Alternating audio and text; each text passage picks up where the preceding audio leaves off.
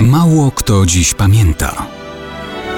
Datownik historyczny prezentuje Maciej Korkuć.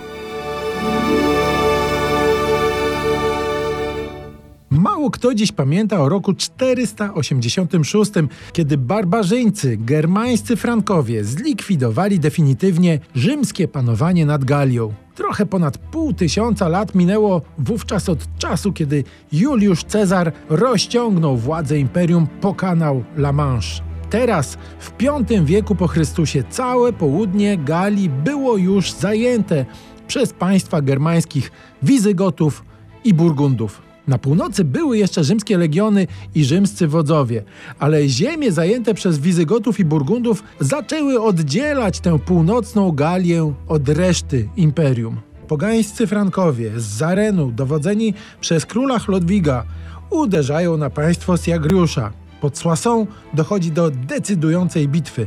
Wojska Siagriusza zostają rozbite. On sam ucieka pod opiekę władcy Wizygotów Alaryka II, ale nie znajduje u niego schronienia. Zostaje jak paczka wysłany do Chlodwiga i ten go z zimną krwią morduje. Władztwo Franków sięgnęło aż po Loarę. Rzymskie panowanie nad Galią po pięciu wiekach od podbojów Cezara przeszło do historii.